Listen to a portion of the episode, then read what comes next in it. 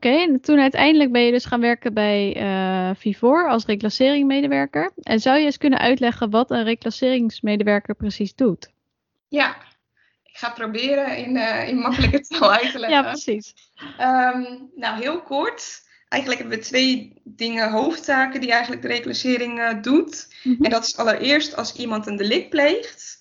Dus iemand komt met justitie in aanraking, dan ja, worden wij gevraagd om een advies te geven over wat is nou een passende straf en wat is het verhaal achter het delict. Ja. Dus dat is wat je bij de reclassering uh, kan doen. En het stukje waar ik vervolgens wat meer op zat was toezicht houden. Dus dat houdt in dat iemand inderdaad veroordeeld is en dat wij een advies hebben geschreven. En dat uiteindelijk de rechtbank besluit, diegene moet nog bijvoorbeeld twee jaar onder toezicht van de reclassering uh, ja, weer zijn weg weten te vinden in de maatschappij en voorkomen dat iemand ja, nog een keer een delict pleegt. Ja, want dat dus, hoor je soms al in, in zo'n uitspraak, hè? Dus dat je nog uh, zo lang onder toezicht blijft staan. Ja, klopt. Ja. ja. En wat houdt dat onder toezicht staan dan in? Um, nou ja, het kan dus zijn dat je onder toezicht staat en daardoor geen gevangenisstraf hoeft te doen. Hè. Dat is bijvoorbeeld mm -hmm. bij kleinere delicten. Ja. Maar het kan ook zijn dat, dit, uh, dat je onder toezicht komt te staan nadat je een groter delict hebt gepleegd en met vervroegde, ja, vervroegd vrijkomt. Na twee derde van je straf is dat. Ja, en als je onder toezicht staat, dat, dat hangt dan ook een beetje vanaf wat is het delict. Nou ja, dan word je meestal wekelijks of twee wekelijks gezien.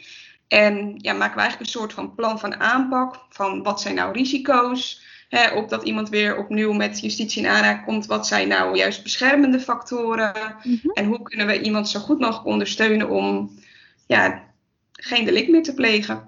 Ja. En we hebben het dus inderdaad heel tijd over delicten. En uiteindelijk heb je voor deze baan ook in een gevangenis gewerkt, hè? Ja, klopt. Hoe, hoe was dat? Uh, en hoe was dat zo gekomen dat jullie daar uh, ook gingen werken? Nou, wat een, um, ja, een soort van proces is de afgelopen jaren, is dat ze meer willen dat er vanuit de gevangenis al dingen worden geregeld voor iemand die vastzit. Ja. En nu is nog wel eens het beeld dat iemand gewoon met zijn blauwe vuilniszak na zijn gevangenisstraf op straat staat en van gaat maar doen. Ja. En dat dan pas de reclassering betrokken wordt. En wat we eigenlijk willen is dat we vanuit binnen al dingen kunnen regelen, zodat ze niet met die blauwe vuilniszak op straat komen.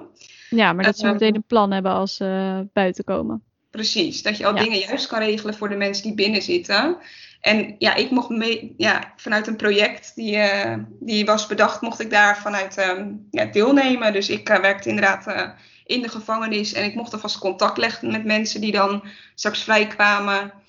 Om te kijken van wat kunnen wij nu al voor jou betekenen.